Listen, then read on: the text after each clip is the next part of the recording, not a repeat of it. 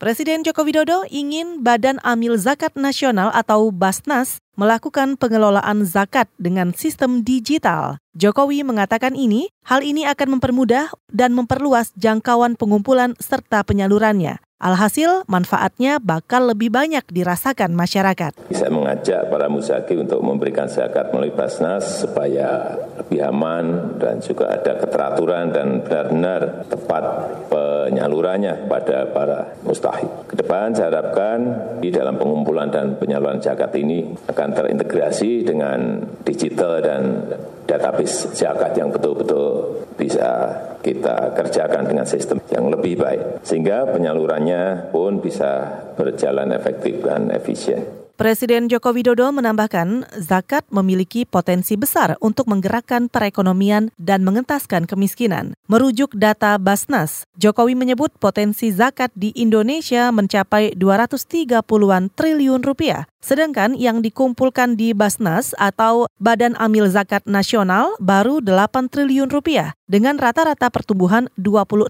persen per tahun.